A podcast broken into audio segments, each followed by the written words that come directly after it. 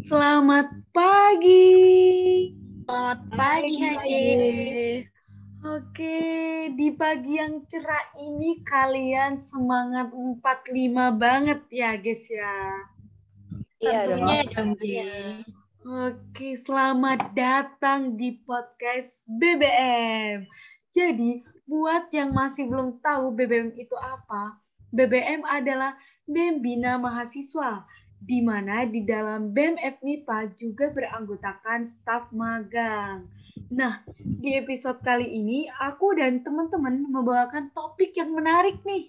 Pasti udah tidak asing lagi kan dengan kata organisasi. Nah, di tengah lingkungan mahasiswa ini tentu terdapat perdebatan yang tidak dapat dihindari, yaitu mengenai topik yang kita ambil, yaitu antara IPK dan organisasi.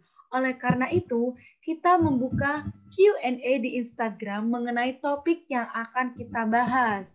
Nah, sebelum menjawab pertanyaan-pertanyaan yang udah masuk ini, kita perkenalan terlebih dahulu nih. Kan ada pepatah tuh yang mengatakan tak kenal maka tak sayang.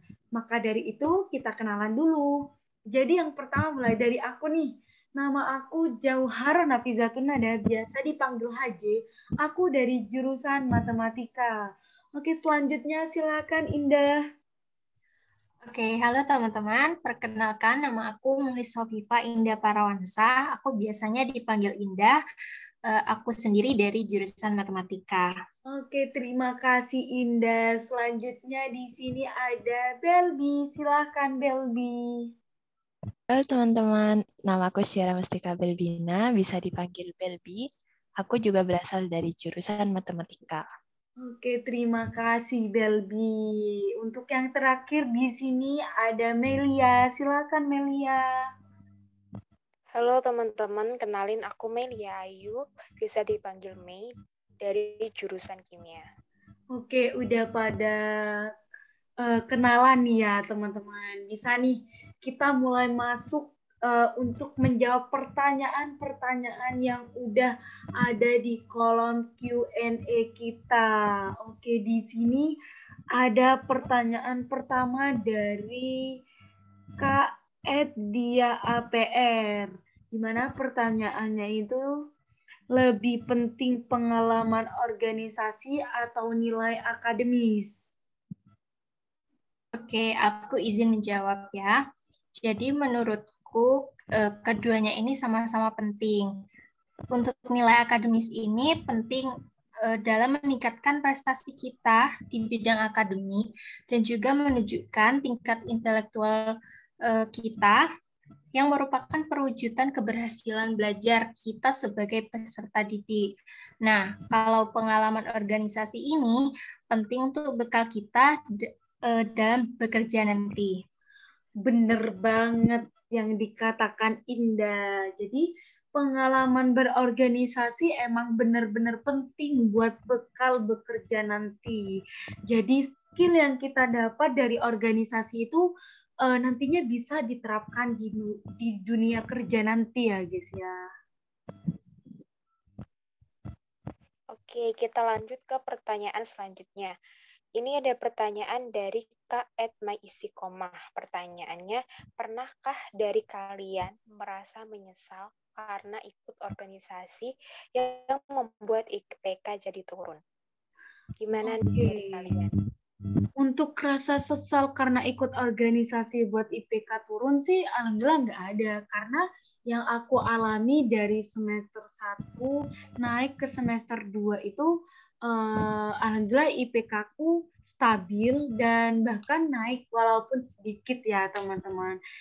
Eh, Yang buat nyesel itu sih waktu buat liburan ya karena liburan kali ini tuh kayak nggak ada kerasa gitu liburannya karena waktunya dibuat untuk berorganisasi.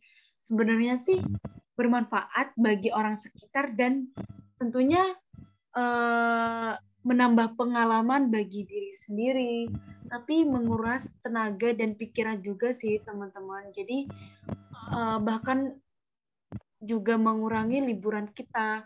Terus waktu liburan di mana kita untuk healing atau menenangkan diri dari pekerjaan tugas itu uh, sedikit terkendala gitu teman-teman. Jadi dikuras dengan adanya kita ikut organisasi seperti itu.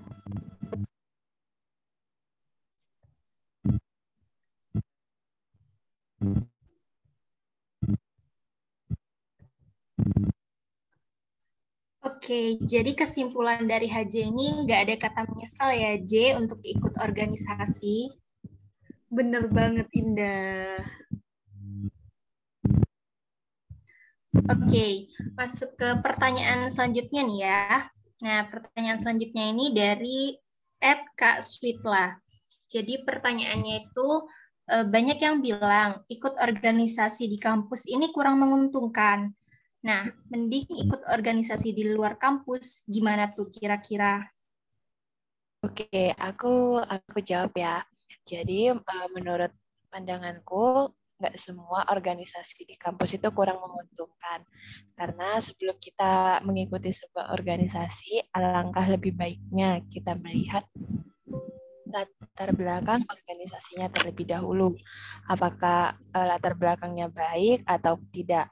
Dan juga bisa dilihat dari output yang dihasilkan dari organisasi tersebut.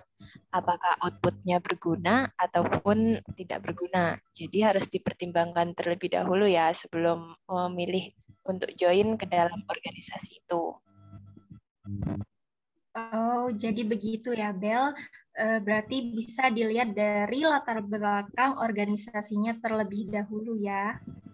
Ya, benar seperti itu. Uh, Oke, okay, di sini uh, ada pertanyaan keempat, yaitu pertanyaan dari Kak Etia KPR. Uh, baiknya di semester berapa sih kita mulai join organisasi? Oke, izin jawab ya teman-teman. Kalau dari aku sendiri, dari pengalaman dan penglihatanku, waktu yang baik buat ikut organisasi itu dari semester 1 sampai 4. Karena di semester tersebut tuh mahasiswanya masih bisa buat memanage waktu antara tanggung jawab mereka buat kuliah dan organisasi. Dan juga dilihat dari matkulnya, dari semester 1 dan dari semester 1 sampai 4 tuh mendukung untuk mahasiswanya ikut organisasi.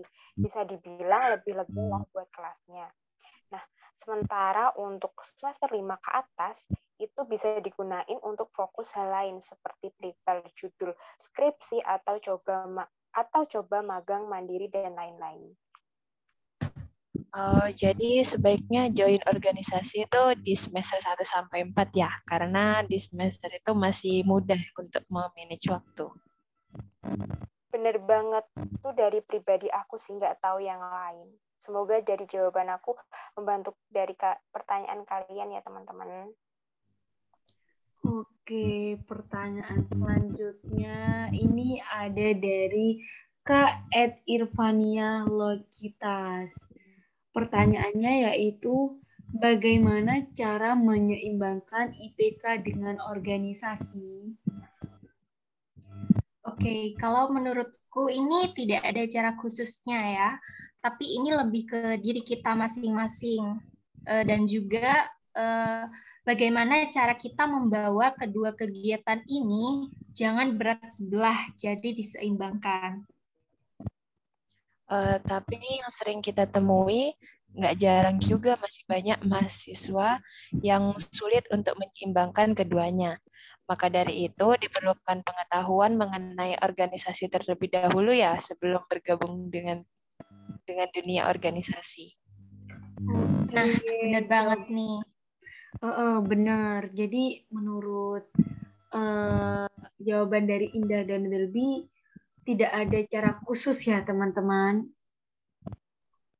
Kembali ke kita masing-masing.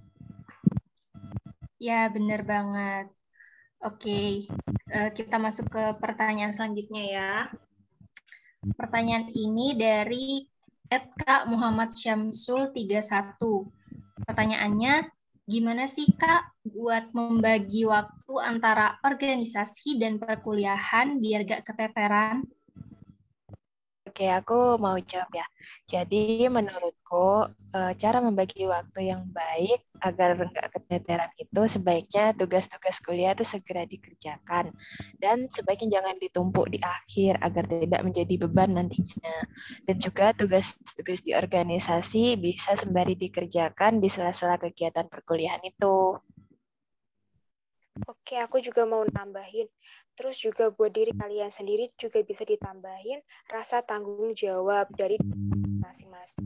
Jadi biar nantinya kalian bisa buat batasan diri sendiri gitu. Oh ini aku harus ngejain ini, aku harus ngumpulin ini, atau bisa dibilang bisa buat list gitu. Jadi dari diri kalian sendiri pasti nggak mau kan buat ngecewain salah satunya. Jadi bisa diubah pola pikir kalian, diubah mindset kalian dengan tujuan kalian bisa happy di keduanya. Wah, bagus banget tuh tambahannya. Oke, kita lanjut ke pertanyaan berikutnya. Ini ada pertanyaan dari KB underscore underscore Y. Pertanyaannya, dari segi mencari kerja lebih dibutuhkan mana IPK tertinggi atau keterampilan organisasi yang baik? Gimana nih? Oke, aku izin jawab ya. Jadi sebenarnya dua-duanya sih, karena jika IPK tinggi, artinya orang tersebut bisa dinilai secara akademik, dia bisa berpikir secara sistematis dan analitis. Sedangkan keterampilan organisasi yang baik eh, mampu membuktikan orang tersebut uh, memiliki pengalaman atau skill yang dibutuhkan di di dunia kerja nanti. Dan aku juga pernah baca di Quora dari itu dari Kak Benjamin Wardana di mana isinya yaitu uh, eh, IPK itu semacam KPI yang menunjukkan bagaimana nilai seseorang selama kuliah apakah penting mungkin buat sebagian orang penting, tapi buat saya nggak sama sekali. Banyak orang yang IPK-nya bagus, tapi kesulitan di dunia kerja, apalagi yang IPK-nya tinggi-tinggi. Kadang karena terlalu pinter, susah banget untuk kerja sama dengan tim. Lalu, apakah orang yang IPK-nya jelek itu juga bodoh? Uh, tidak juga. Jadi kesimpulannya, IPK tidak selalu bisa dijadikan acuan untuk menilai kompetensi seseorang. Jadi jangan khawatir yang IPK-nya jelek. Uh, kalian tuh nggak bodoh. Kadang kalian aja yang uh, hanya males gitu. Jadi jangan salah ya. Sekolah atau kuliah itu penting, tapi jangan textbooks. Ingat, di luar kampus, dunia itu seperti rimba belantara yang liar. Jadi seperti itu yang uh, kutipan dari Quora yang pernah aku baca. Wah, berarti antara organisasi sama IPK itu sama pentingnya ya, Kak? Ya, bener banget, Mei. Jadi harus seimbang gitu, Mei. Oke, oke. Bisa dilanjut ke pertanyaan selanjutnya, Kak. Oke, selanjutnya di sini ada pertanyaan dari Kak Ed Fahriwar. Apakah mengikuti organisasi dapat berpengaruh terhadap IPK?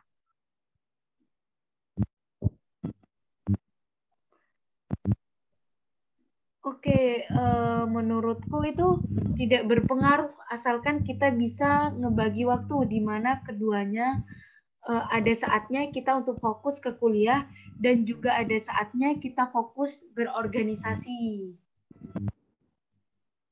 Tapi juga jangan disepelekan ya teman-teman, karena bisa jadi kalian ikut organisasi, bisa nambahin prestasi kalian, juga bisa nurutin nurunin prestasi kalian. Jadi hati-hati aja ya teman-teman buat kalian yang mau terjun ke dunia organisasi. Bener banget, Melia. Kita harus bener hati-hati ya. Oke, selanjutnya silakan. Oke, kita uh, ke pertanyaan selanjutnya ya, guys. Pertanyaannya dari Ed Kak Firman Rozikin 67. Jadi pertanyaannya yaitu sebutkan dan jelaskan prinsip seperti apa yang harus dimiliki sebagai seorang yang berorganisasi. Aku mau jawab ya. Jadi eh, menurutku sebagai orang yang berorganisasi haruslah memiliki prinsip untuk mampu bekerja sama dengan baik. Karena seperti yang kita ketahui, dalam, dalam berorganisasi tidak bisa dikerjakan secara individual, melainkan perlu adanya koordinasi yang kuat dan baik antara masing-masing anggota dalam suatu kegiatan organisasi. Oke, bener banget ya yang dikatakan oleh uh, Belbi. Jadi uh, dalam berorganisasi harus memiliki prinsip ya untuk uh, bekerja sama dengan baik gitu. Oke, pertanyaan selanjutnya ini ada dari Kak Ed Audin underscore. Better ikut organisasi atau kepanitiaan aja ya buat tetap prioritasin IPK? Oke, aku izin jawab ya. Menurut aku better ikut kepanitiaan kalau ikut kepanitiaan cuma beberapa saat dan periodenya juga nggak lama. Jadi tidak terlalu menguras otak jika dibandingkan ikut organisasi yang periodenya lama. Tapi itu balik lagi ke diri kalian masing-masing. Kalian nyamannya ikut kepanitiaan atau ikut organisasi gitu teman-teman. Wah, menarik-menarik nih jawabannya dari uh, teman-teman. Uh, gimana nih menurut kalian khususnya yang punya pertanyaan? Semoga membantu ya teman-teman. Oh iya, buat yang pertanyaannya belum sempat dibacakan, kalian jangan berkecil hati ya teman-teman. Karena pertanyaan dari kalian itu udah diwakilin sama pertanyaan yang lain. Uh, mungkin cukup sekian nih episode kali ini. Kurang lebihnya mohon maaf. Kami pamit undur diri. See you guys. See you. Bye. Bye. Oke guys, kita selesai. Stop.